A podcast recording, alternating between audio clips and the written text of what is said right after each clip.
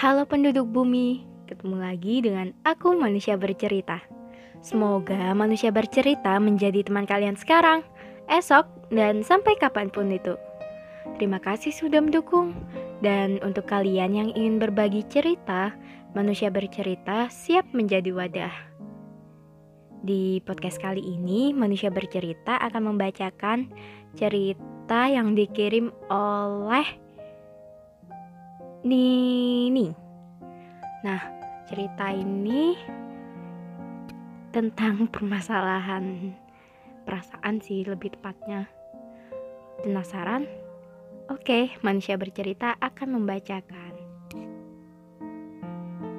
Mau cerita deh. Dulu aku kira hubunganku sama dia spesial, kayak martabat, kebersamaan, tatapan penuh kasih sayang, pesan singkat tidak jelas, dan bercandaan ala kita berdua selalu menjadi favorit. Tapi nyatanya dia milih perempuan yang selalu berjuang untuk dia dari dulu dibanding aku yang selalu ada buat dia.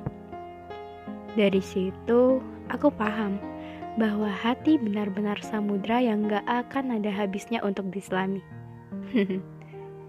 Dan juga perjuangan yang keras akan menemui hasilnya. Baik-baik kamu dan dia. Semoga kalian bahagia selalu. Aku selalu doain kamu terus. Waduh, ini lebih ke cerita ya.